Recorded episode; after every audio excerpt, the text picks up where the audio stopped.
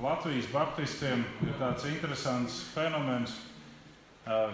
Tas nav ne ievads, neko, tas ir tikai tāds apkārtējais bla bla bla. Ka Latvijas baptistiem kopš dibināšanās Latvijā un kopš iesākšanās, kas bija Cariskās Krievijas periodā 1861. gadā līdz šodienai, šajā periodā ir bijuši tikai desmit biskupi. Pirmais biskups bija Ādams Gertners, kas tepat netālu kurzemē bija pirmais baptistu vēstures nesējs, jeb šīs pārliecības aizsācējs. Tas ir tikai par Latviju. Un vēlākais, nākamais biskups, kas bija, ir redzams ar Bībeli rokā, vidējā rindā Kārlis Lāceklis, kurš ir biskups 1944. gadā. Viņš kļūst par biskupu, viņš tiek iecelts Līdz tam periodam, no Ādama Gertnera no 1847. gada līdz 44. gadam, nākamam gadsimtam, visi ir darba vadītāji, prezidenti, direktori, bet neviens nav biskups. Tad ir Kārlis Lāceklis, kas ir Baptistu draugu savienības ievēlēts biskups. Pēc Kārļa Lācekļa nāk Maskavas ielikts biskups Nikolais Ļevidanto, un kurš atrodas šajā postenī no 1946. gada 45. un 46. gads līdz 1966. gadam, bet viņš īsti neskaitās kā biskups, viņš skaitās kā Baltijas valsts vecākais presbiters. Šajā periodā par biskupu vēl top ievēlēts Latvijā Augusts Redliks.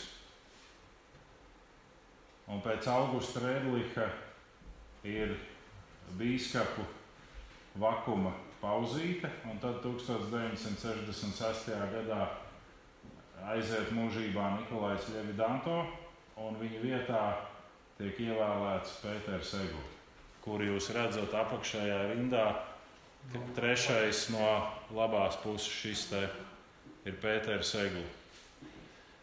Un, un tad jau tur ir biskups Tervits 77. gadā ievēlēts. Egle neaiziet mūžībā, Egli nodzīvo gana cienījumu un ilgu mūžu. Pēc Tervita, kuru pieņemsim, ka ļoti demokrātiski, bet tāpat laikā ļoti nesmuki novirza malā, kļūst par biskupu Jānis Eisāns, pēc Jāņa Eisāna Andrejs Šterns, pēc Andreja Šterna Jānis Šmits, pēc Jāņa Šmita Pēters Stroģis un šobrīd Kaspars Šterns. Pavisam kopā desmit. Šajā laika posmā, kopš Latvijā ir baptisms, ir desmit biskupi. Pakāpeniski mēs piedzīvojam to, ka arī šobrīd mēs mēģinām pielīdzināties lielākajai daļai rietumu pasaules, un uh, Baptisti pakāpeniski grib pāriet no biskupa uz izpildu direktoru, vai uz direktoru, vai uz prezidenta vietu.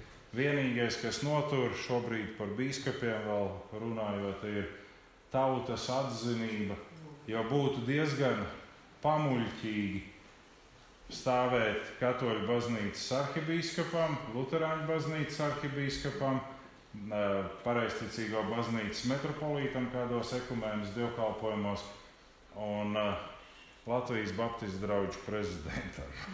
Likās tā kaut kā.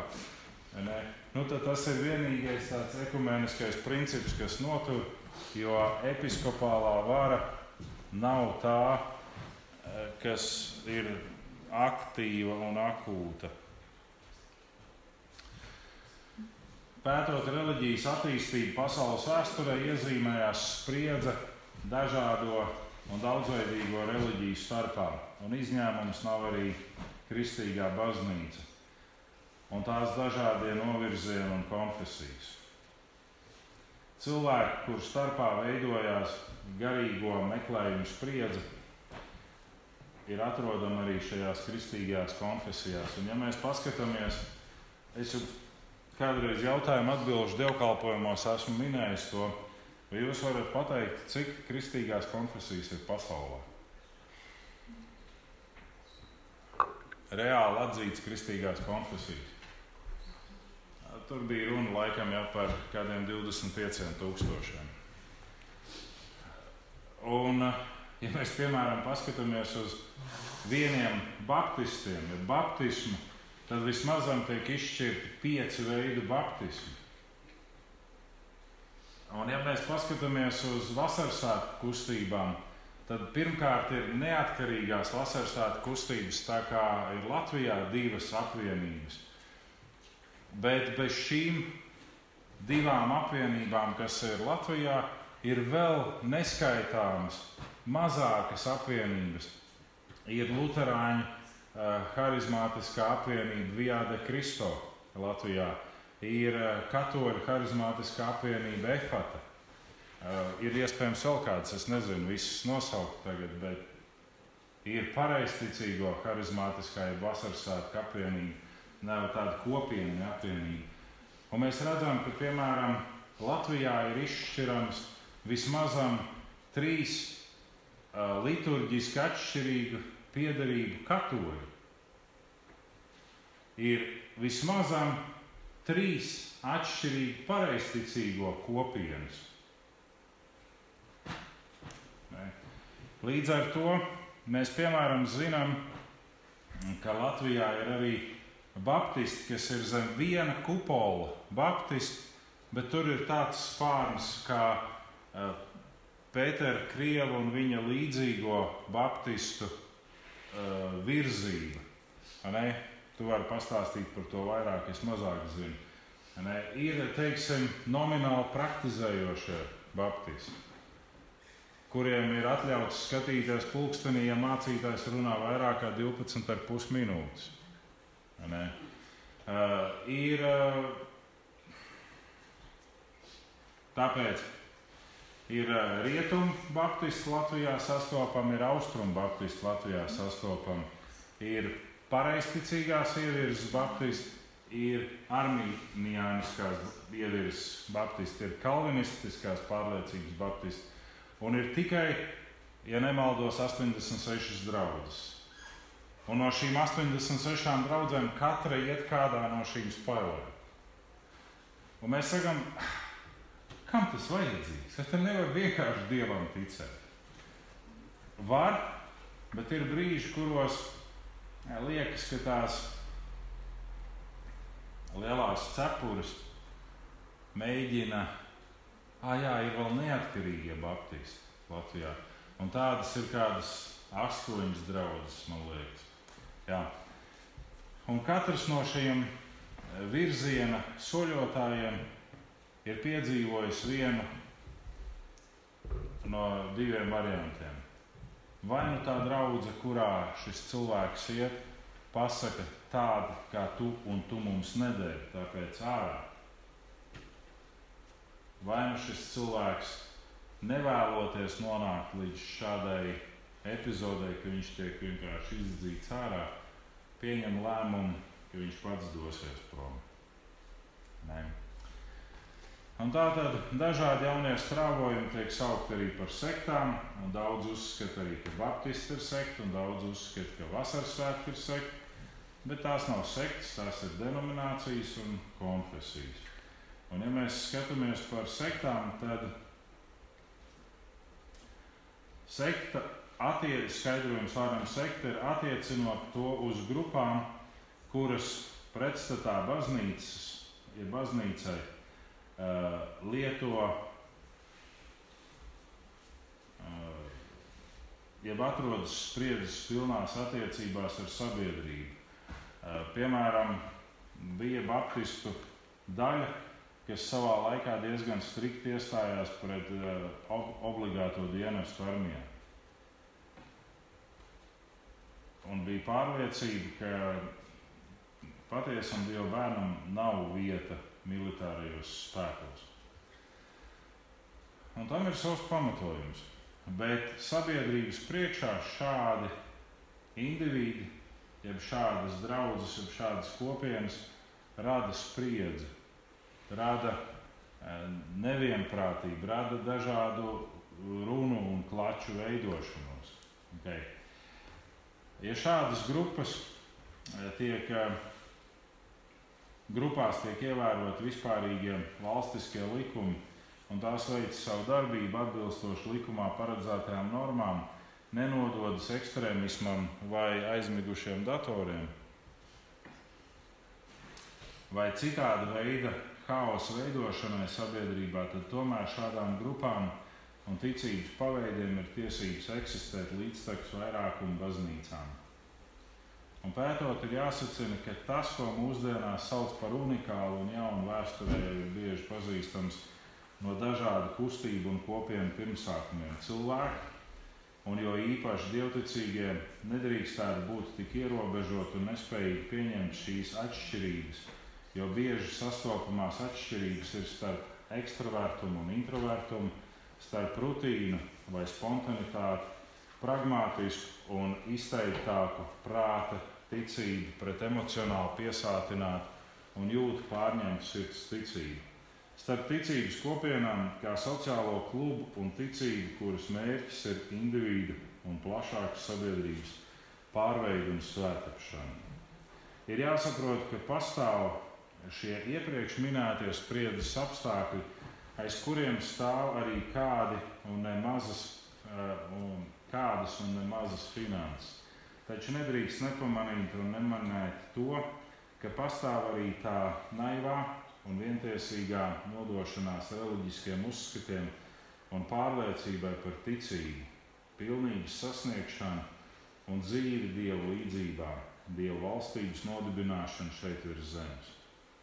Vien, viens no šādiem virzieniem ir denominācijām, kas šobrīd jau atzīta kā atsevišķa konfesija un pat vietām iegūs lielās baznīcas statusu, jeb ja valstiska atzīšana kā viena no vadošajām konfesijām ir baptisms. Denominācija, kas vienlaicīgi ir autonoma un sadrumstalota, tad pat laikā daudz vietu saglabā vienotas iezīmes un atšķirības no citām konfesijām. Šī denominācija Latvijas kontekstā ir salīdzinoši mazāk pētīta kā citas baznīcas un konfesijas. Taču jāatzīmē, ka šai konfesijai ir bijis ne mazāk represija vai savu veidu ticību varoņi, ticības varoņi, kas ir ietekmējuši dažādus procesus, norises valsts un pat pasaules mērogā. Tāpēc darbā tiks iekļauts neliels apskats par baptistu denomināciju saistībā ar citām konfesijām un šīs denominācijas izcelsmes vēstures līkošanu. Un tad mēs šo te izlaižam. Nē, neizlaižam. Viss iepriekš minētais un attiecināmais uz pasaules pieredzi, reliģijas struktūrēšanā un dažādu garīgo meklējumu jomā, kas skar reliģijas, skar arī individus un līdz ar to veidojās personības un raksturi, kuri atstāja ietekmi uz sabiedrību un arī uz baznīcu. Pētot šo baptistu denominācijas, denomināciju un izcelšanos un vēsturi pasaulē un Latvijā, Darba autors ir pievērsies vienai no personībām - mācītājam Vladimiram Molčanovam, jeb Molčānovam, tikai bez garā A. Kaut kur man šeit ir bultiņa, tas ir šis vīrs. Kurš ir bijis arī Agenskalna draugs mācītājs ilgstošā periodā. Jāatzīmē, ka šie mācītāji šeit nav sarindoti chronoloģiskā secībā Viņi ir vienkārši randomā salikts bildes, kur labāk kaut kur iepadarās. Tur nav chronoloģija, jo divi gadi starp Molčānovu un iepriekšējo mācītāju bija vispār pauze. Nebija mācītāja. Un mācītājs pirms Molčānova, kas ir arī Molčānova draugs, ir Augusts Korps. Un nav tā, ka starp Korpu un starp Molčānovu ir vesela plējāde X11 mācītāji.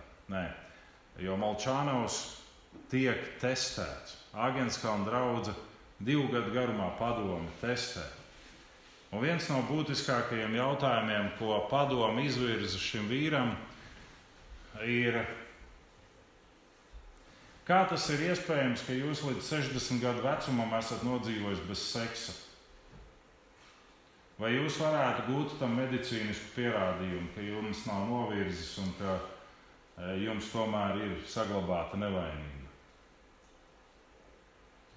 Es nezinu, kāda izskatās šī izziņa, bet tāda izziņa ir iesniegta. Un tad beidzot, 50. gadā, 22. novembrī Molčānaus tiek apstiprināts par mācītāju Agenskalnā.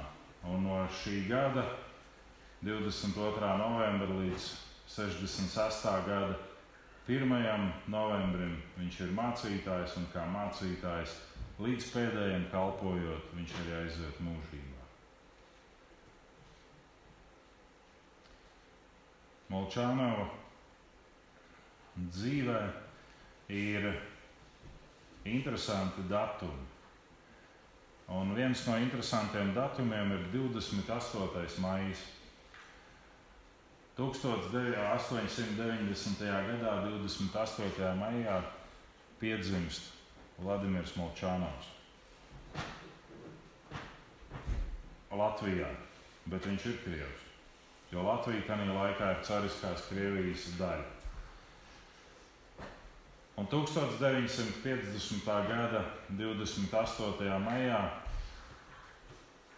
kas ir šī gada, tātad 50. gada vasaras svētki, Molčānavs tiek bībelīgi kristīts. Izvirzot to par savas dzīves pietrūkstošo, jeb nozīmīgo sastāvdaļu. Golgātas Baptistu baznīcā viņš tiek kristīts, un viņu krista tā brīža Baptistu biskups Rēdliks.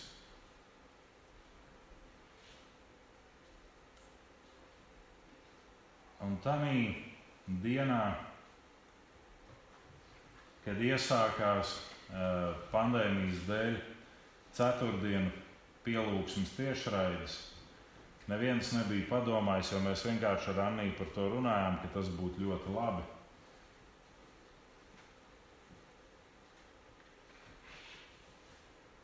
Ka mēs veidojam šādas ceturtdienas pielūgsmes, un viss notika, un pielūgsmes katra komanda veidoja pa savam. Un šī gada 28. maija iekrita ceturtdiena un vārdi, ar kuriem noslēdz tā brīža grupa pielūgsme, ir, kad tu esi mans. Tad man nevajag ne debesis, ne zemes. Un 1. novembrī no rīta māsa Lilija Biteniece atrada Molčānavu dzīvoklī, sēžam viņa atpūtas krēslā ar trijās valodās atvērtu šo psalmu, šo rakstu vietu. Latvijas, vāciski un krieviski.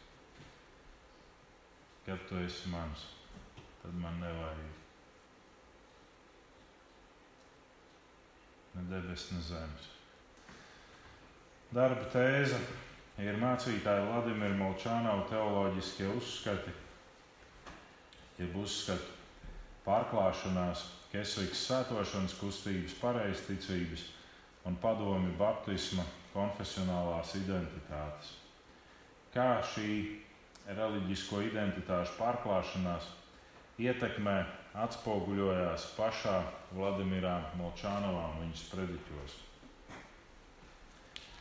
Ir ļoti daudz nepublicētie materiāli, kurus vienu daļu no jūs, jums jūs redzēsiet bildēs. Un uh, ir ļoti interesanti, jo pirms es uzsāku šo pētījumu un šo materiālu vākšanu, es publicēju informāciju, ka es vēlos saņemt kādus šos nepublicētos materiālus Jo skaidrs ir, ka Molčānovs ierindojās starp 12 cilvēkiem, septītais padomju laika rindā, kuru darbi visvairāk ir pārpublicēti mašīnu rakstā.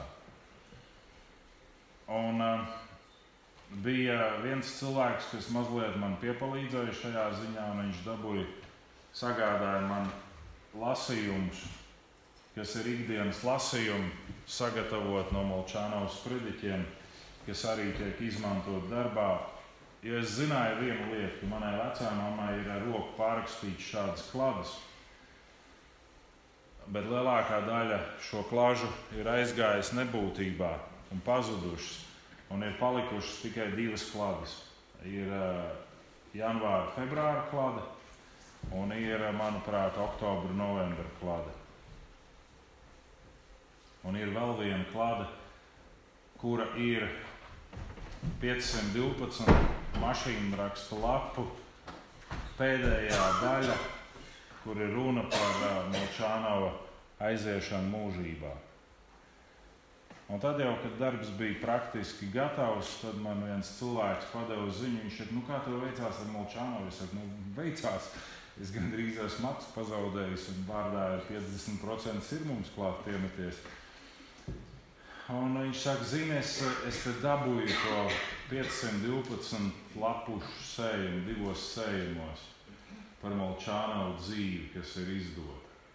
Viņš saka, ka es, es mērķiķa ātrumā mēģināšu skanēt iekšā un dabūt to lasām, jo mūsu kopīgais mērķis ir, ka mēs varētu vairāk šos darbus publicēt un ļaut lasītājiem un interesantiem to visu lasīt. Eh, gluži kā teiksim, katras dienas lasījumu, kur ir Bībeles citāts un Molčānova skaidrojums par šo citātu, ir kāds uzmundrinošs teksts.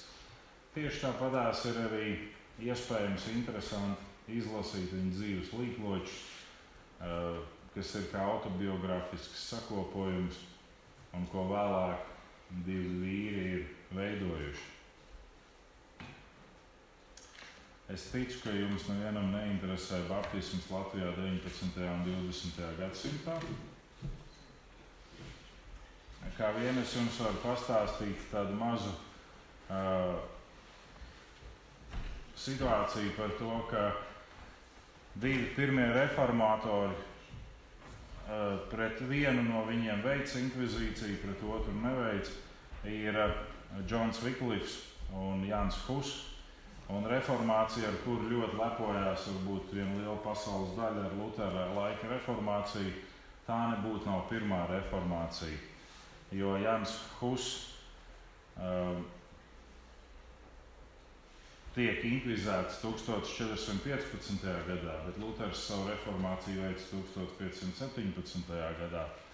Un Džons Viklifs savukārt uh, simts gadus ātrāk veids kādas reformas, ja mēģina veikt kādas reformas un mēģina norādīt uz kādām korumpētības situācijām baznīcā Un tad mēs nonākam līdz tādai interesantai vietai kā hugenoti, kas ir Jāna Husa sekotāji, kuri inkvizīcija dēļ ir izklīdināti pa dažādām vietām pasaulē.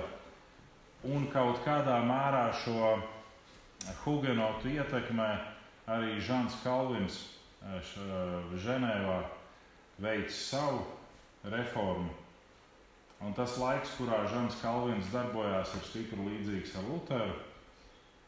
Mm, un uh, Žants Kalvins arī dibina pirmo protestantu universitāti Ženēvā. Bet šajā laikā Hugenoti piedzīvo ārkārtīgu uzlidojumu no populārās Medičī ģimenes Francijā. Hugenot vadītājs ir admirālis, tātad augsta ranga eh, ierēdnis un militāra persona Gaspārs de Cologne. Un Francijas karalis tajā laikā ir Šārls Medičī. Un viņa māte Katrīna Medičī vēl joprojām mēģina caur dēlu fīrēt visu valsti. Un līdz ar to, ka viņi redz, ka viņas dēls Šārls gūst um, tādu labvēlību, un viņam sāk simpatizēt šis protestantisms, kuru vada Gaspārs de Koloņī, tad viņa liek nežēlīgi šo admirāli nogalināt. Un tas nav vienīgais, inkvizīcijas uh, moments, kas notiek šajos laika periodos, un kā jau es pirmīt pieminēju, ja mēs ticam, ka ir miesas augšām celšanās, tad mēs zinām to, ka iznīcināšana ar uguni pakļauj pilnīgai iznīcināšanai cilvēku ķermeni. Jā, mēs zinām, ka Izaks Ņūtons savienojot metāla skaidrs ar zemi un pievienojot tuvumā magnētu, lika šai zemē piecelties. Un viņš teica, ja es kā cilvēks to varu izdarīt, tad Dievs vēl jau vairāk to var izdarīt. Bet tie ir apstākļi, kur kāds ir izlēmis, ka mana ķermenis sadedzinās nevis, ka es pats sevi labprātīgi esmu nodevis ugunī. Mēs nonākam līdz 1608. gadam, kad atkal dators guļ. Nē, ah, jā, tādi ir tie datori kad uh, kāds kongregacionālistu draugs piedarīgais Džons Smits Anglijā, uh, viņš arī tiek uzskatīts par pirmo baptistu, kurš veids paškristību pie sevis un savas ģimenes, bet vajāšanu dēļ viņš bēg uz Amsterdamu, uz Holandi, un tādēļ Holanda varētu tikt definēta mazliet tā kā tāda baptisma dzimtene.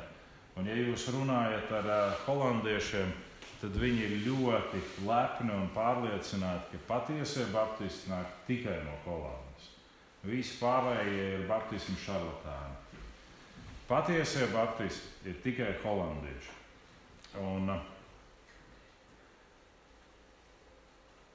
es varētu mazliet tā pārskriet pāri būtiskākajiem datumiem pasaules vēsturē, kas ir saistīti ar baptismu. Un tā tad 600, 1608. gads Baptistu kustības sākums Nīderlandē. 1611. Baptistu kustība atgriežas Anglijā un piedzīvo pīcis efektu.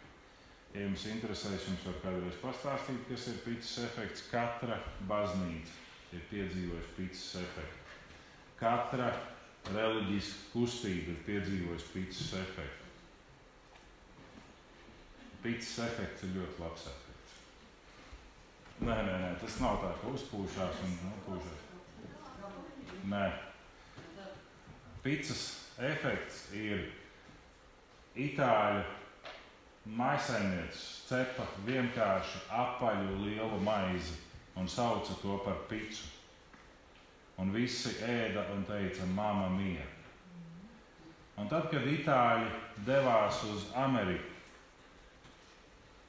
1700. gados, tad nonākot Amerikā, radās tādas ekstrēmās idejas, ka šai maizei vajadzētu uzkrapsēt virsū dēsu, cīsiņus, gaļu, sieru, salātus, tomātus Un tā tie amerikāņi pārveidoja to pīci. Un visi ēda un teica, mamma mija. Un tad, kad tā pīce no tiem itāļiem, kas bija Amerikā, atgriezās atpakaļ Itālijā, itāļi brīnījās un teica, ka okay, šī arī ir pīce, bet tā nav mūsu pīce, bet no pīce. Un visi pagaršoja un teica, jā, mamma mija, garšīgi. Un līdz ar to mēs piedzīvojam to, ka reliģija kontekstā nekad reliģija savā mātes zemē, ir savā dzimtenē, kur tā piedzimst, negūst panākumus. Tā dodas ārpus, citā valstī piedzīvo uzplaukumu un atgriežoties savā dzimtajā vietā, tad ir spēcīga, varena un aizmiguša datoru pavēlniece. Un, piemēram, viena no jaunākajām reliģijām, kuru to ir piedzīvojusi, ir Hara Krišņas apziņas kustība. 1968. gadā izveidojās šī, šī kustība. Viņas aizsācējs ir Guru Sajababa. Uh, Indijā starp hindu un starp budismu un starp musulmanismu negūst nekādus panākumus. Dodās uz Ameriku, starp studentiem gūst mega panākumus. Un ar šiem studentiem atgriežoties atpakaļ Indijā, tiek nodibināta vesela jauna reliģiska kustība. Un tā līdzīgi sanāk arī ar baptismu. Sākās Anglijā 608. gadā, aizceļo uz Nīderlandi, 11. pēc trim atgriežas Anglijā, un tas viss aiziet pavisam savādāk. Un šobrīd notiek tā mazā cīņa, kura tad ir tā mātes zeme baptistiem, Anglija vai Nīderlanda. Nīderlandieši saka, ka viņi, bet Pasaules Baptistu apvienība ir Anglijā. Nē, nu tā. 1633. gadā Baptistu draugu darbs iesāks Velsā. Ap 33. gadu Baptistu Anglijā sāk praktizēt kristību ar pagrēnu, un šo pagrēnas kristību praktizēja līdz apmēram 4. un 5. gadsimtam baznīca. Un tad baznīcai kļūstot par valsts pārvaldītu un ar valsti ļoti uh, draudzējoties, tiek pieņemts šis lēmums teoloģiski pamatot, ka labāk ir kristīt pēc iespējas agrāk un visus. Un šobrīd vēl joprojām jūs varat sastapt, piemēram, tādu paradoxālu fenomenu, ka Zviedrijā uh, visi cilvēki, kas ir dzimuši līdz 2005. gadam, un ja viņi ir kristieši, viņi pieder divām baznīcām. Un ja viņi nav kristieši, viņi vienalga pieder vienai baznīcai un vēl kādai reliģiskai kopienai. Jo visi, kas piedzimst kopš 1648. gada, automātiski ir luterāņi. Un viņi automātiski tiek kristīti, netiek kristīti, bet viņi ir ierakstīti tuvākās baznīcas ruļļos. Un tad, ja viņi tiek pārkristīti, tad viņi pievienojās kādai citai konfesijai vai denominācijai, tad viņi ir vēl tās denominācijas locekļi. Nu, ja viņi ir ateisti vai tad viņi ir luteriski ateisti, un notiek tas fenomens, ka, manuprāt, ogres draugs skoris ja es nemaldos, aizbraucu uz Dāniju. Dziedāt, būt Dāņu baznīcās. Un šī kora diriģente runā ar to Dāņu baznīcas pārstāvu. Un tas baznīcas pārstāvs saka, nopietni tas ir. Jūs varat smieties, bet tas ir nopietni. Viņš saka, nu, ja jūs liecinat un runājat pirms savām dziesmām, Nerunājiet par ticību. Mums mācītāji ir neticīgi. Nav vajadzīgs tur lieki konflikts. Nerunājiet par ticību. Ne? Ir vienkārši amata izpildītājs. Un Jēzus par šo amatu izpildīšanu saka, ka ir cilvēks, kurš saka, rakt, es esmu pa slimu, diedelēt ir nepieklājīgi. Nu tad iešu pa mācītāju. Ne? Un tā tad sākās šī kristība, jeb atsākās ar pagrēnu, par ko jau 17. gadsimta teologs Šlajermakers saka, ka luteriskai reformācijai vajadzēja pārtraukt bērnu kristību, bet tā nepārtrauc. Un 1639. gadā pirmā Baptistu draugs tiek nodibināta ASV. 1750. gadā Baptistu draugu darbs iesākas Skotijā. Un tad ir interesants fakts, ka 1834. gadā Johans Onkens Hamburgā nodibina pirmo vācu Baptistu draugu. Johans Onkens ir fantastisks cilvēks, kurš darbojās un atbalsta ar savu finansējumu misiju, evanģelizāciju. Un šodienīgi Eh, daudzi baptisti noklusē, ar ko Johans Onkens ir pelnījis savu naudu. Viņš uzturēja, viņam piederēja Vācijas tabaks ražotne. Viņš ražoja cigaretes un cigārus. Un šo naudu viņš ieguldīja evanģelizācijā un misijā. Un tas nav laiks, kad saka, ah, nu redz, kā viņš ar sliktiem darbiem un ar labiem izpērk viens otru. Nē, tas ir laiks, kad uh, cilvēki uzskata, ka smēķēt tabaku ir veselīgi. Visas eh, galma dāmas smēķēja, un, eh, un katrs sevi cienošs baptists smēķēja. Un tad pienāk pietismu laiks, kad mēs sakām to visu nē, jo tā ir atkarība. Un ir pamats teikt, ka tā ir atkarība un to visu nē. Un tas ir pareizi. Bet tajā brīdī šajos 1800. gados tā brīža ticīgajiem tas liekas, ka tas nav nekas skaitīgs. Sludinātāji karalis ir lauva spērģens, smēķēja cigārus. Nē. Bet viņam tas nav tas pats, kas mums. Viņam tā nebija kā atkarība. Es viņu personīgi nezinu. Bet viņam tā nav kā atkarība. Mums ļoti bieži ir tā, ka sākās trīts un nevar nesmēķēt. Ne?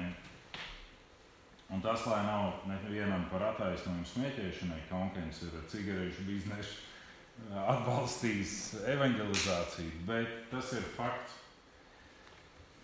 1839. gads, pirmā Baptistu draugs Dānijā, 1847. gads, pirmā Baptistu draugs Austrijā, 1848. gads Zviedrija, 1849. Šveice, 1860. pirmā Baptistu draugs Norvēģijā, 1860. 61. iesākās Baptistu draugu darbs Latvijā. 61. Polija, 62. Rumānija, 67. Tbilisī, 84. tie paši 19. gadsimta gadi Igaunija. Un, ja mēs skatāmies uz Lielo Krieviju, tad uh, Lielajā Krievijā šis darbs sākās trīs gadus pirms gadsimta mītnes. Un viena liela darba daļa notiek pateicoties latviešiem. Jo ir latviešu kolonijas Cariskajā Krievijā.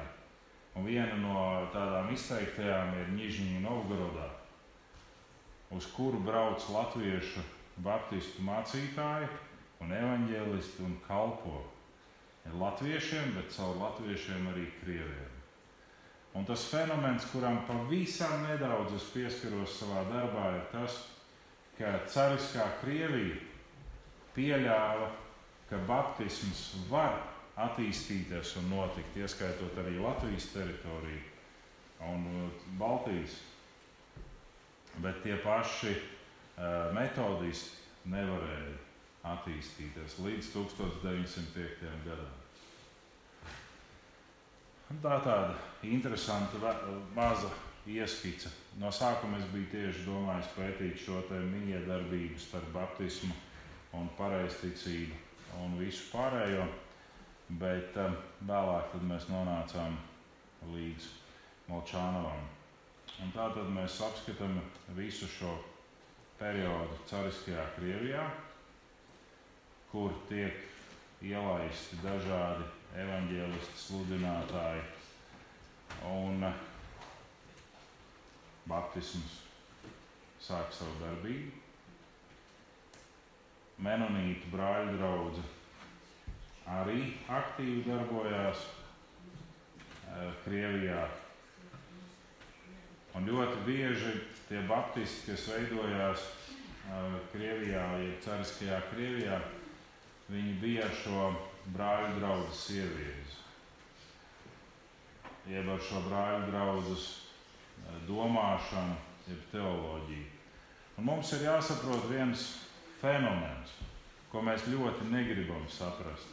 Un, piemēram, ir cilvēki, kas ienāk Baptistu baznīcā un ierauga krustu priekšā, un viņi gandrīz nokrīt ar infarktu un saka, kas tā pelddievība? Un ienākot citā dievnamā, ieraugot kādu svētbildi pie sienas, un šuk, kas tas tāds?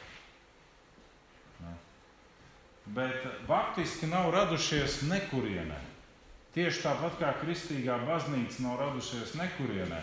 Kristīgā baznīca ir izaugusi no judaisma, jeb judaismas sākums ir ar kristīgo baznīcu saistīts. Un tad, kad apstuļi raksta savas vēstules un tiek rakstīta evaņģēlīja, Mēs to lasām ar pavisam citu uztveru nekā viņi to teica. Mums nav tā ebrejiskā domāšana.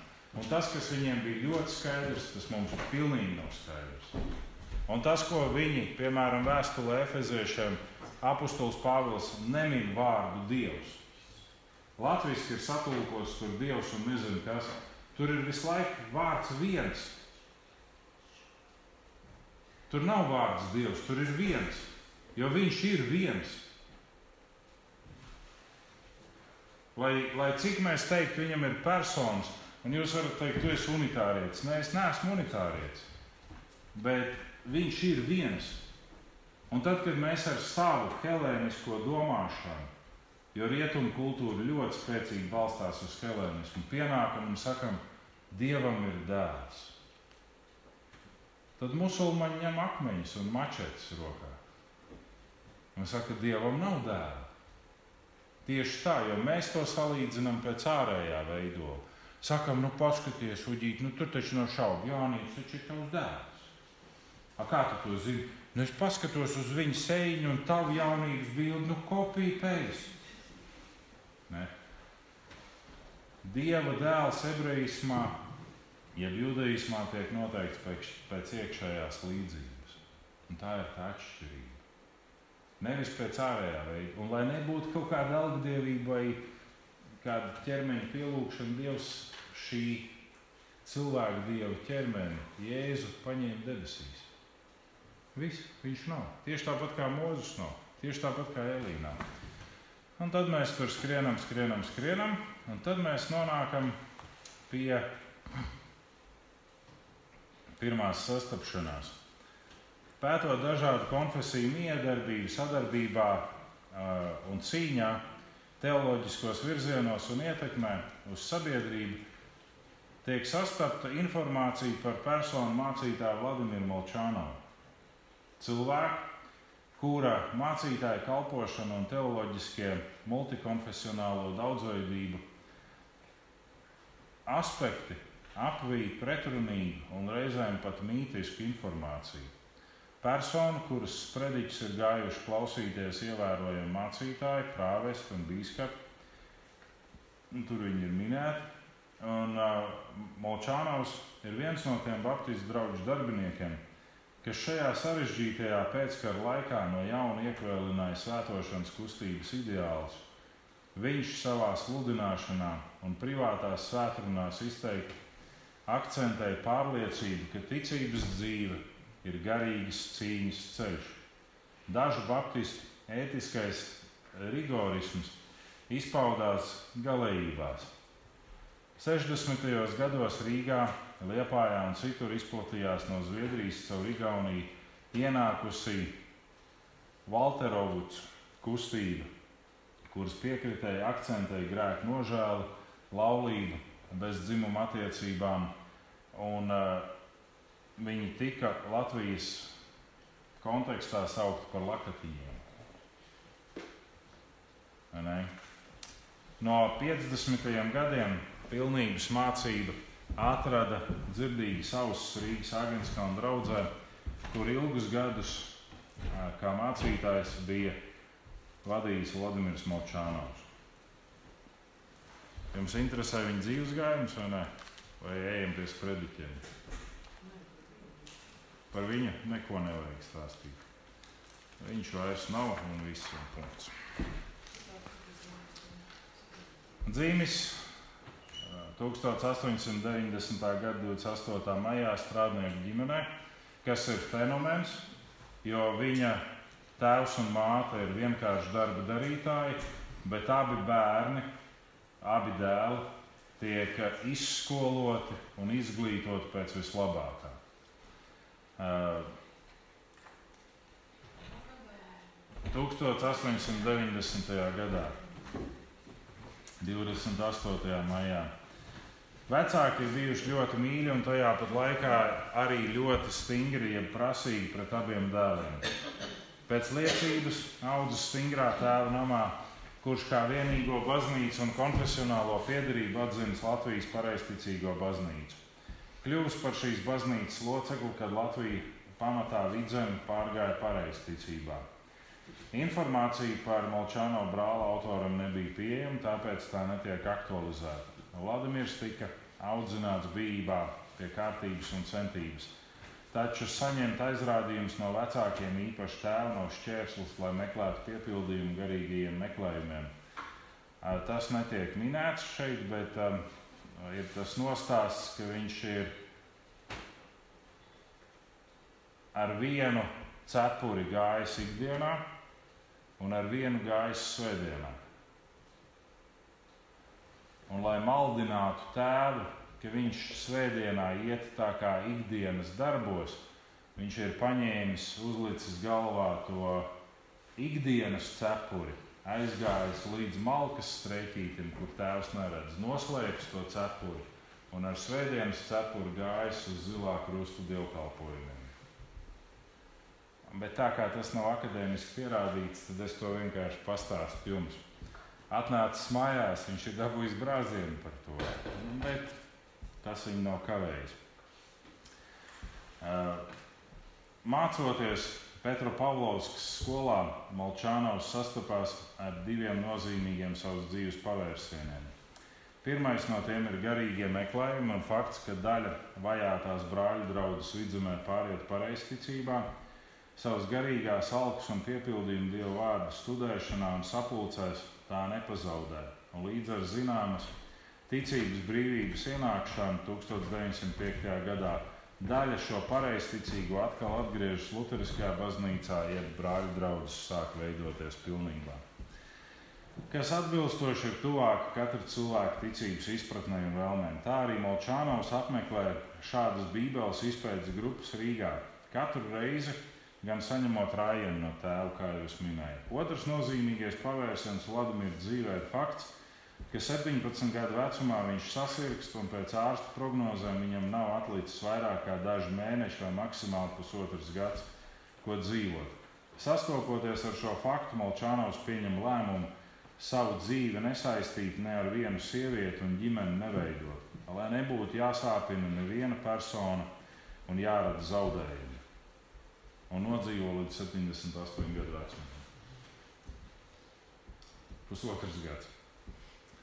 Ģimene ir dzīvojusi Rīgā, un tā arī Molčānovs ir audzis un skolojies Rīgā, kur 1908. gadā pabeidza Petra Paulovskas pilsētas skolu ar tiesībām strādāt kā skolotājs, un no 1908. līdz 1914. gadam dzīvo Rīgā darbojās kā maiskolotājs un strādā mašīnu būvs uzņēmumā Manteli kā kalkulācijas veicējs un grāmatvedis.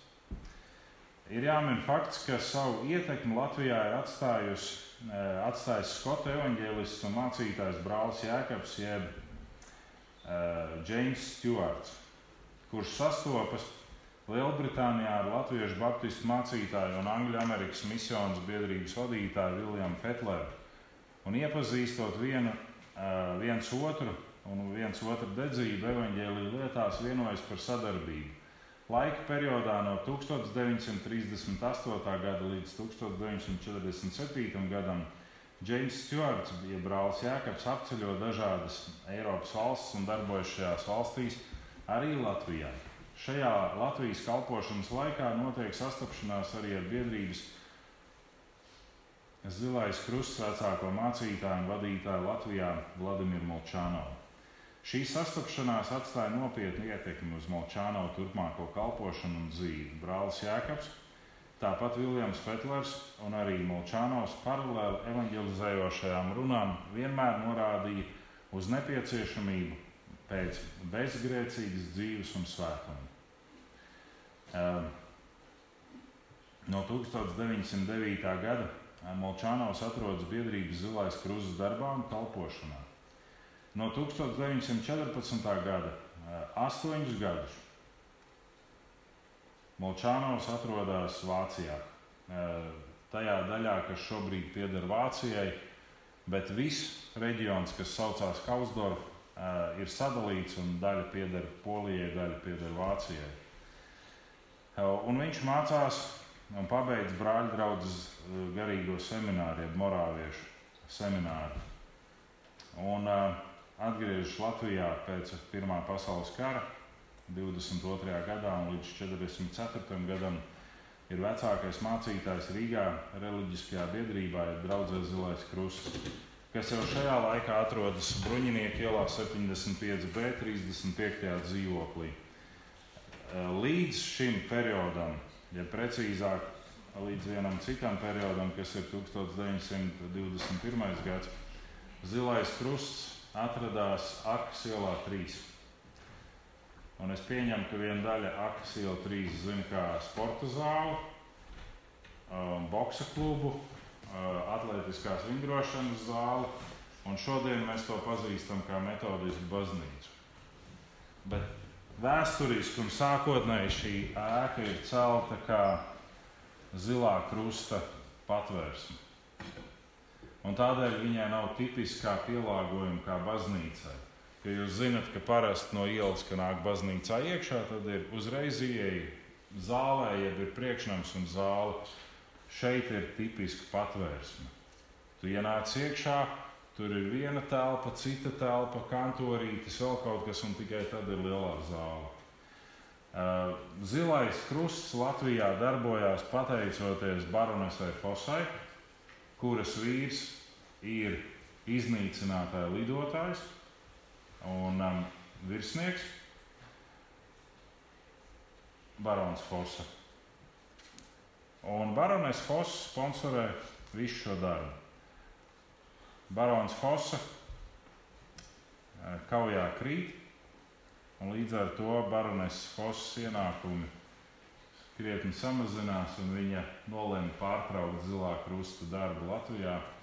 Un zilais krusts pamatā darbojās ar atkarībās nonākušām ģimenēm, ar viņu problēmām jau tajā laikā.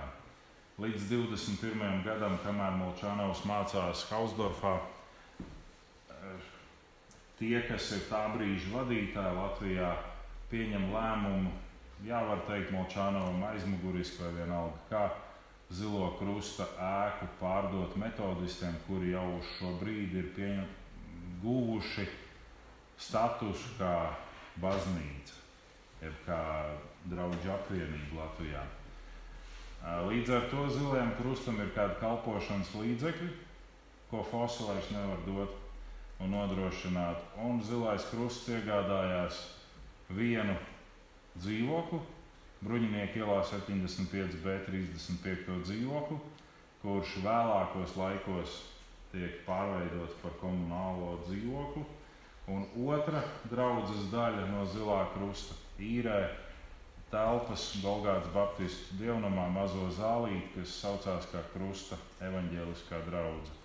Vēlāk šī krusta evaņģēliskā draudzene savu māju vietu atrod Krusta Lutheriskajā draudzē, un šobrīd šī draudzene atrodas uz Ieriķa ielas. Uh, okay. To es pastāstīju. Tā tad Redliks Molčāno Krista 28. gada vasaras svētkos, tas ir ļoti būtisks uh, iezīmes moments, jo Kesvikas svētošanas kustība, ar kuru bija ļoti cieši saistīts Molčānovs, uzskatīja un teoloģiski pamatoja to, ka ir jānotiek vēl vieniem vasaras svētkiem tādi, kā tie notika sākotnēji, kad apstuļi saņēma svēto garu, un caur šo vēl vienu vasaras svētku uh, notikumu nāk svētais gars un uh, notiek tāda pasaules atmoda. Un iespējams, ka tas ir bijis tas vadmotīvs tieši šajā 28. maijā, 50. gadā saņemt ticības pagrendi, jeb kristību arī pašam Molčānovam. Un, uh, viena padzīvojusi uh, māsa jautāja pēc dievkalpojuma mācītājiem, brāl mācītāji, ja jūs vairs nebūsiet ar mums, ko tad mums darīt? Ejiet tālāk pa to ceļu, kuru es jums esmu rādījis. Un neviens nenojaut, ka paies divi mēneši un viņš tiešām vairs nebūs.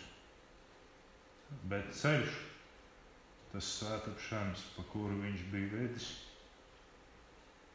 viņi varēs iet tālāk.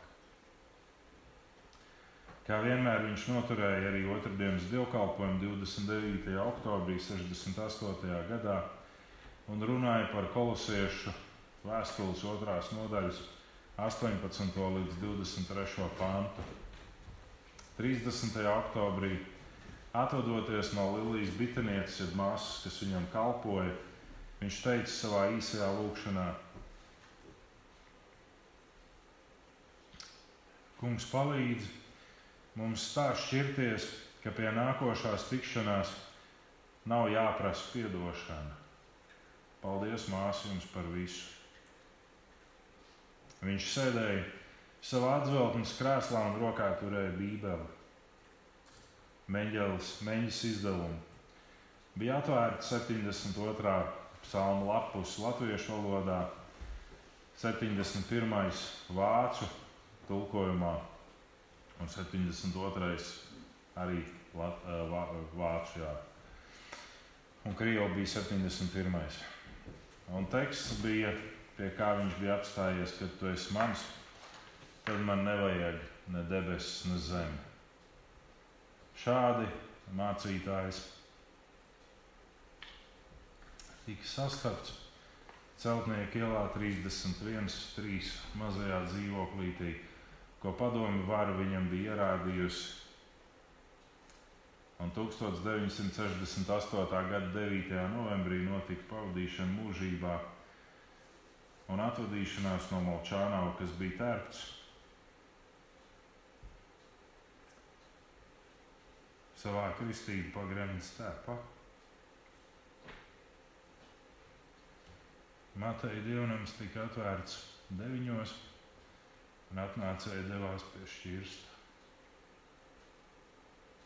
Vieniem tikai Āgens kalna mācītājs, citiem ļoti svētīts dievu kalps bet dažiem viņš bija vesels kopējs.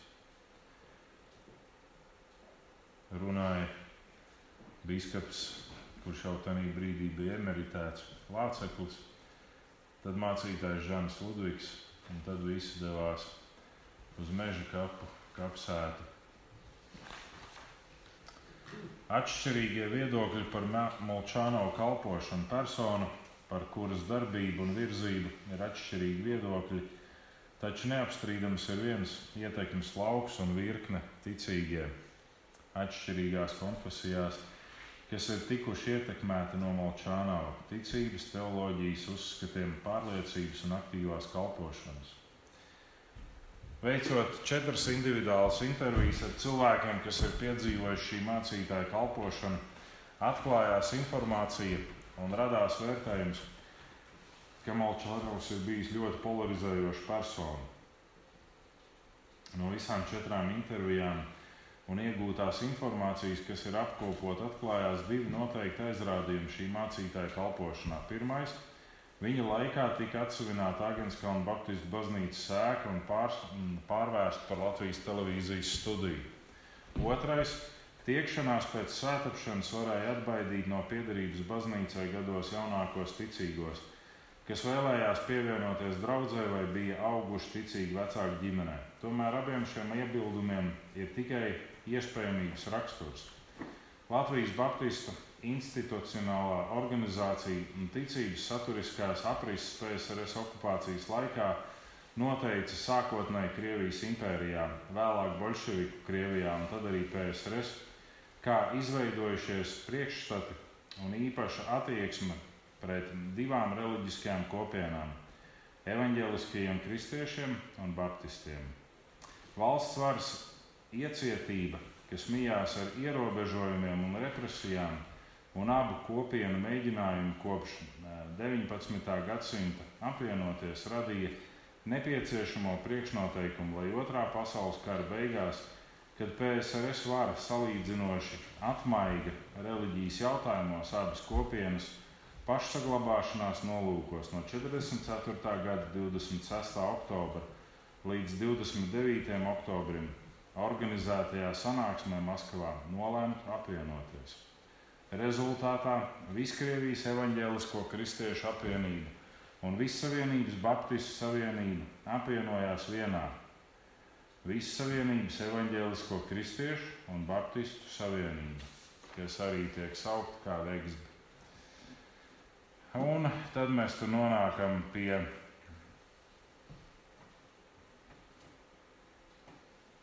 atsevināšanas par to, ka Molčānos pastāv, ka val, valdībām un varām ir jāpakļaujas.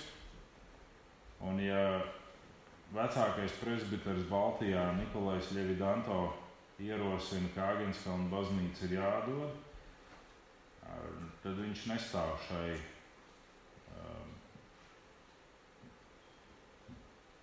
šim uzstādījumam pretī. Tas viņam tiek pārmests, bet domājot par to otro iebildumu, ka ir ļoti daudz jaunu cilvēku, kas būtu iespējams palikuši šīs baznīcas paspārnī, bet šobrīd ir aizgājuši prom, ir nepamatots, jo arī pie tiem mācītājiem, kas ir krasi atšķirīgi, kā Molčānos, tāpat daudz jauniešu aiziet prom. Tas ir neatkarīgi.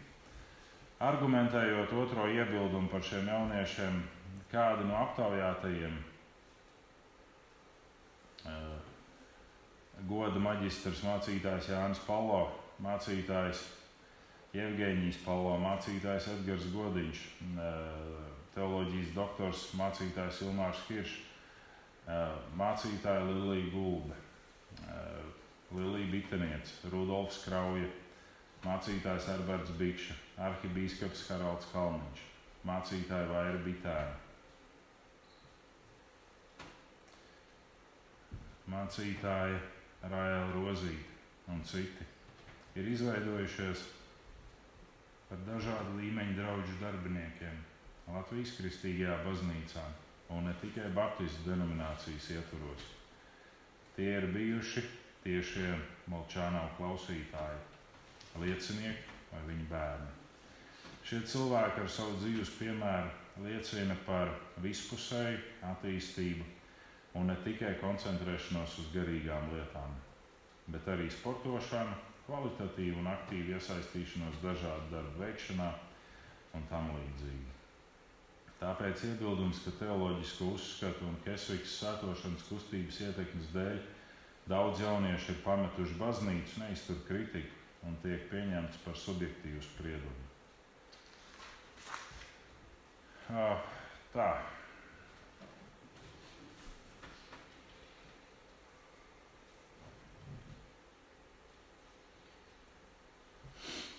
Privātā sarunā 29. janvārī 20. gadā ar kādu pārstāvi un mācītāju Molčānu atsliecinieku Kārlu Zariņu vārds un uzvārds mainīts konfidencialitātes nolūkos. Bija paredzēts likt Bonifāciju, bet ieliku Kārlu Zariņu. No Baptistu denominācijas tika uzklausīts viedoklis, ka Molčānovs savā būtībā nebija Baptists un pats pieņēma ticīgo kristību ar pagremti tikai piespiedu kārtā. Tomēr Baptistu vēstures izpēta liecina atšķirīgu uzskatu par kristību pagremtes jautājumu gan pašmolčānovu dzīvē, gan kalpošanā. Pievienojoties Baptistu denominācijai, Molčānaus ar pārliecību un teoloģisku pamatotību runāja par ticīgo kristību, ja pagremdes jautājumu, kas biedrības zilais krusts laikā netika akcentēti, tas šobrīd bija aktuāli. Ne tāpēc, lai noturētos šajā denominācijā un mācītāju aprindās, bet gan kā iekšējā pārliecība par konkrētu ticības dzīves jautājumu. Ar detalizētāku izklāstu par ticīgo kristības jautājumiem katram ir iespēja iepazīties um, goda doktora vēsturē un LBDS biskupa emeritētām.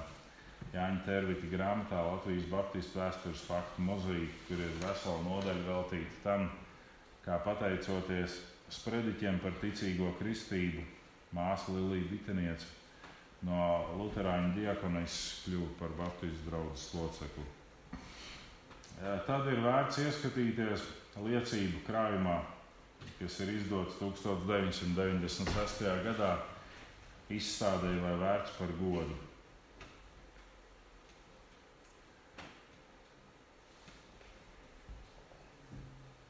ticības, pārliecības atziņa un personiskais piemērs dzīvošanā saskaņā ar sludināto liek Molčānovam tikt izvēlētam kā personai, kas vienīgā no Baptistu aprindām ar roku uzlikšanu 1966. gada 26. jūnijā iesvēta tā brīža jauno Latvijas Baptistu draugu biskupu Pēteru Eglu. Varēja būt tik viens, taču tika izvēlēts tieši Molčānaus, par kuru vēlākās liecības liecina, ka pat bērni apklusa lūkšanu laikā, kas bija kā bezvārdu svētīšana. Un to jūs varat izlasīt grāmatā vai vērts un vai tie bijām mēs. Izrunājies ar savu debesu tēvu, kā dēls un kā meita ar savu tēvu par visu, par sīkumiem, par lielām lietām.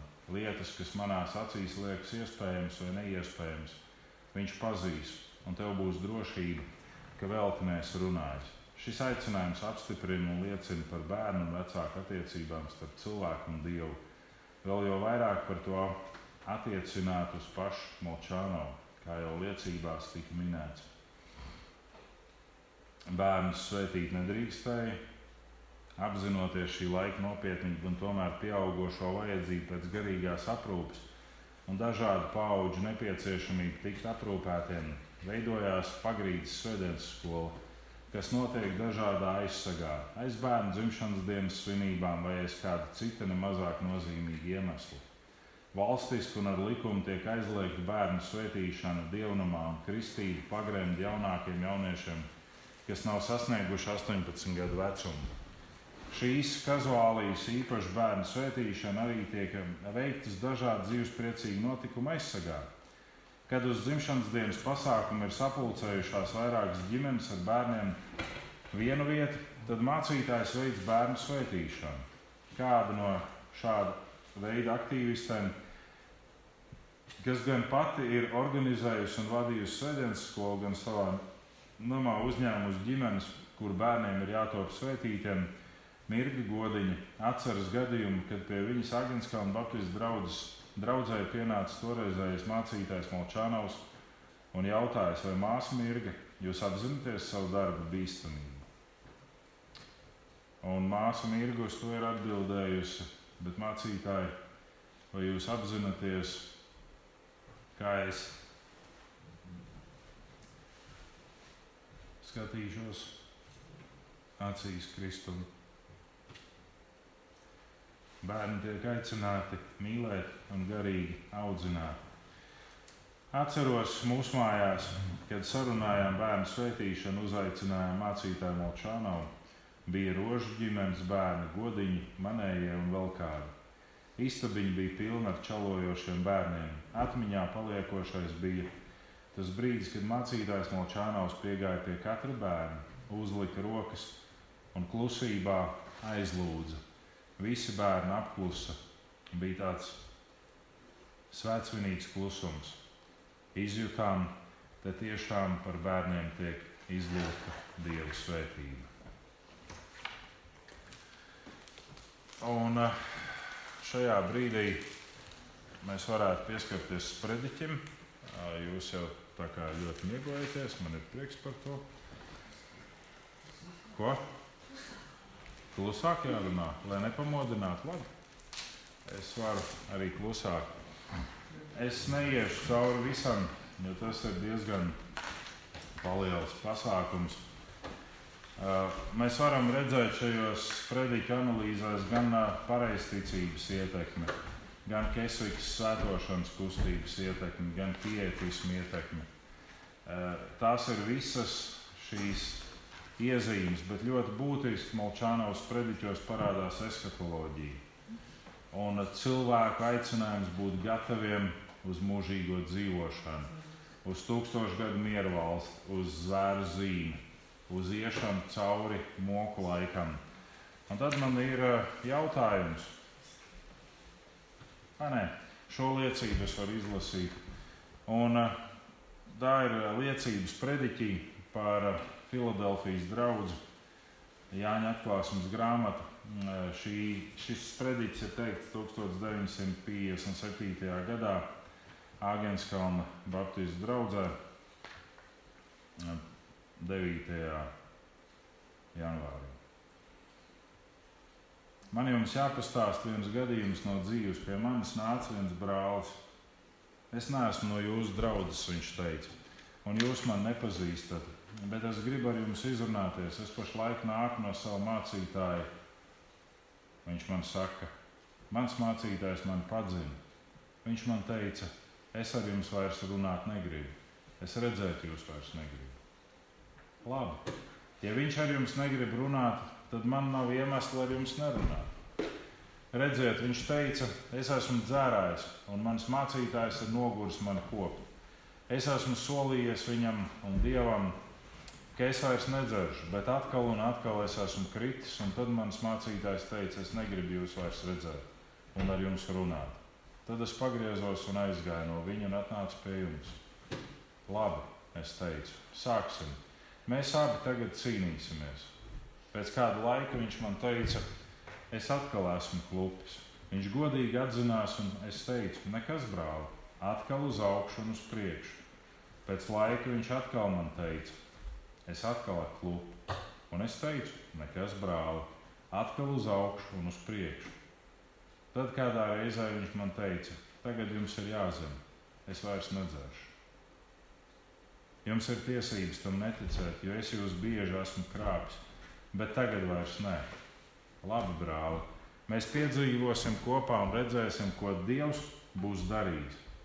Un ko viņš teica, bija taisnība, un viņš vairs nedzēra. Ar līksmu, ar līkumu viņš gāja ap krogu apkārt. Nu, redzi, daudz bija teikuši, ka no tā nekas labs nesanāks, un daudzi bija redzējuši viņu kādreiz uz ielas un piedzērušos bet viņš šeit atkal asarās nokrits pie savu pestītāju kājām. Ja mēs cilvēki viņu atstumsim, tas kungs viņu klausīs. Viņš velti savu dievu priekšā neraudās. Brālis, par kuru es jums stāstīju, bija mums mīļš brālis, un vēlāk, kad viņš aizgāja mūžībā un mēs viņu izvadījām, tad mums bija jāsaka, te bija viens, kas cīnījās un nepadevās ne vēlnam, ne grēkam viņš uzvarēja. Tāpēc, lūk, brāļi un māsas, skatīsimies vairāk uz to, kā mūsu brāļi un māsas rūpīgi cīnās pēc savām krišanām, kā viņi kaunās, kā viņi nožēlo un kā viņi grib taču tam kungam godu darīt. Un grib, lai dieva bērni redz, ka viņi tiešām tam kungam pieķerās. Un šādas attieksmes dēļ viņš īsti neiedarās baptistu vidē, kuriem ir balts melns un kuri mēģina visu pakļaut tam, ja tu dari tādu un tādu un tādu grēku, viss tiek izslēgts no draudzes. Ja tu klūpi, ja tu krīti, ej prom. Tu nedari, tu nedari vairs mums. Molčānaus aktivē kambaru lūkšanas. Viņam ir diezgan standartīgas lūkšanas, tās, kuras viņš praktizē publiski, bet viņš savos sprediķos aicina cilvēkus nodoties kambaru lūgšanām. Molčānaus atklāti noraida pentekostālo mācību par pilnīgu veselību un dzīvi bez ciešanām.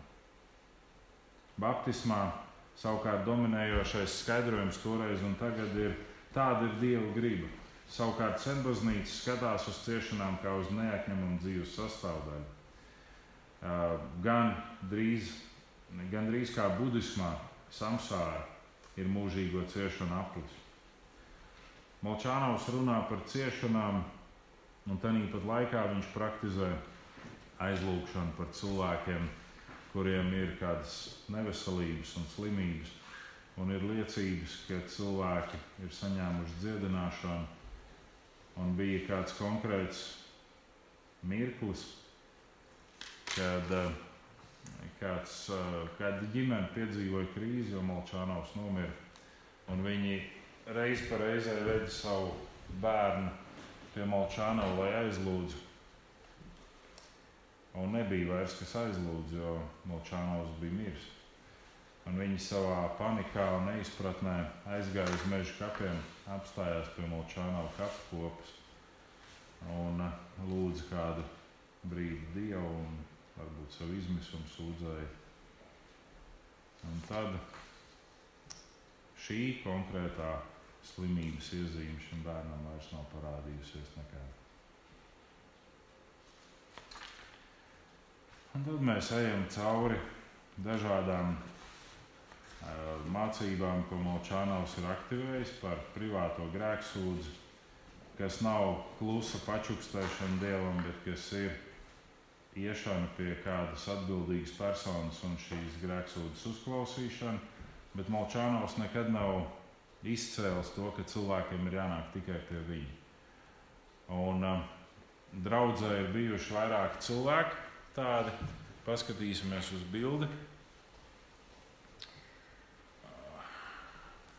Un tā tad viens no cilvēkiem ir mācītāja un vēstures doktora Jāņa Rīsa, atraitne Emīlija Rīsa, kas Jānim Rīsam mirstot kļūst par tādu uzticīgu kalpotāju Molčānovam, jo Molčānovam nav sieva, nav ģimene, un draudzes saprot par labu, ka ir kādas māsas, kas izgludina kreklus, izmazgātos, mājas soli palīdz sakārtot. Un Rīskundze ir viena no šādām. Pie Rīskundzes ir aicināti cilvēki, pie Lilijas bitenieces, pie vairākiem brāļiem draudzē ir aicināti cilvēki. Un Jānis Rīs savā grāmatā min, jo viņš raksta grāmatu par baptistiem, un viņš min sekojošu faktu Latvijas Baptistu draugu izcelšanās. Ķildes ar kaimiņu draugu Sorovielā pastāvīgi sāsinājās. Tie pārgāja uz visu sabiedrību šie ķildi un uz ilgu laiku ievilka Rīgas draugas neslavā. Un mēs redzam, ka vienai lielai daļai draugu padomus darbinieku, draugu padomu ir bijuši šie ķildīgie noskaņojumi un vēlme vienmēr cīnīties par to, kurš ir mūsu mežā galvenais. Un savukārt uz šo 21. janvāra lasījumā Molčānaus sniedz pamācību, sakot, vai tu proti būt tuvākais. Ir daudz mīļu brāļu un māsas, bet nav tuvākā. Varbūt vīrs un sieva, un tomēr nav tuvākais viens otram. Un man ir jautājums jums, Nē, šo nē, jūs jau bijat. Un šo arī nē, man ir jautājums jums, kā jums šķiet, ja Molčānaus ir ietekmējies no Kesvikas svētošanas kustības diezgan spēcīgi. Viņš nav vienīgais no baptistiem. Tur ir uh, Rēdlis, tur ir Korps un tur ir uh, tas pats Fetlers un uh, Blūmīts un vēl virkne puiši. Tad mans jautājums ir tāds, ko Molčānaus definē kā lielāko grēku? Nevis kā nāves grēku, bet kā lielāko grēku.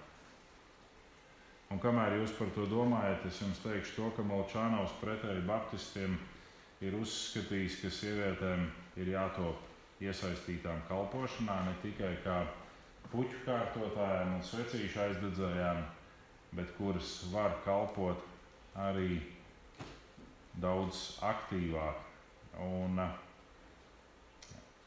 par pamatu savam uzskatam par sieviešu iesaistīšanu kalpošanā viņš min eh, Mariju Magdalēnu, kas ir arī Lācara un Martas māsa Un viņš uh, min, ka šī sieviete varētu tikt definēta kā pirmā priesteriene, kas kalpoja Kristum. Un līdz ar šo viņš arī nonāk tādā strīdus krustugunī, jo netiek pieņemta tāda apzināta sieviešu kalpošana.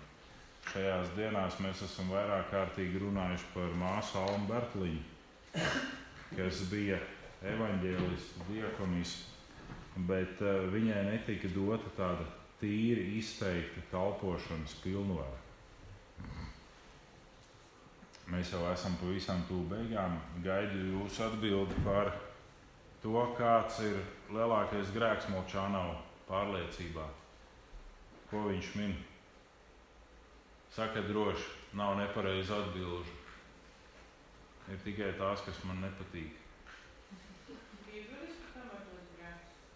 Bībeliski pamatots grēks, ko viņš saka, tas ir lielākais.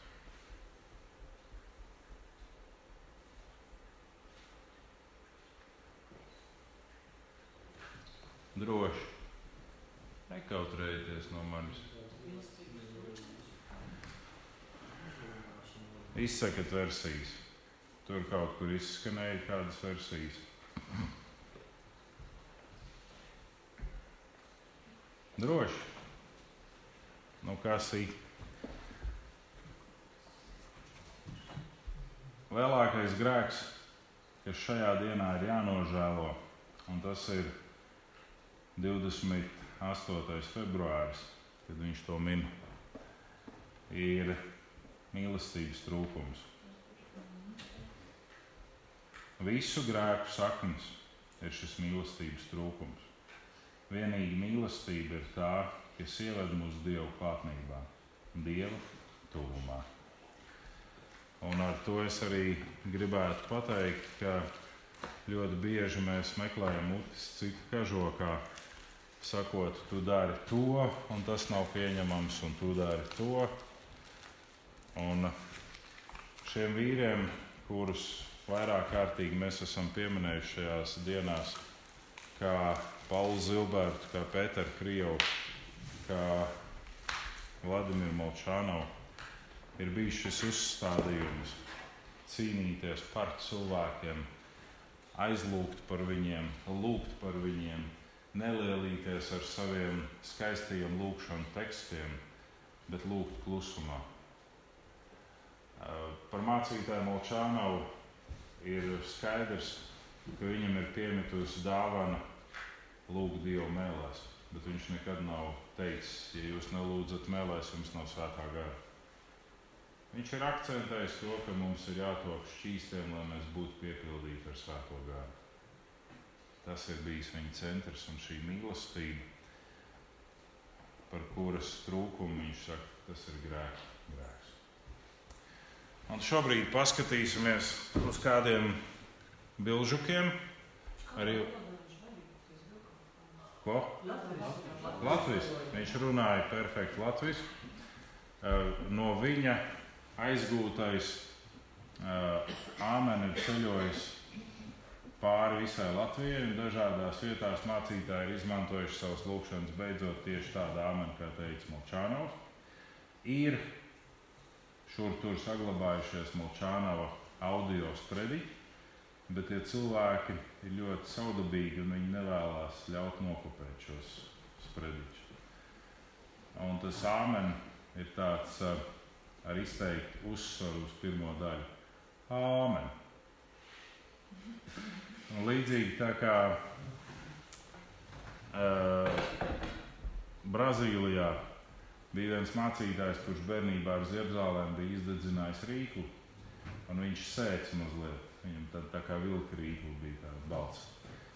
Un pārējie mācītāji, kas dzirdēja, viņi uzskatīja, ka tas ir pareizais veids, kā nostāties pretīm sātanam. Un mēģināja atdarināt to sēcošo balsi, sākot savus sprediķus un sakot, es esmu aizsātani. Un tad turpina normālā tekstā savus sprediķus. Tā arī ar šo āmenu Molčāno gadījumā bija cilvēki, kuri bija piedzīvojuši šo īpašo kalpošanu no Molčāno un uzskatīja, ka tas ir pareizais veids, kā lai noslēgt visu, kas ir jānoslēdz.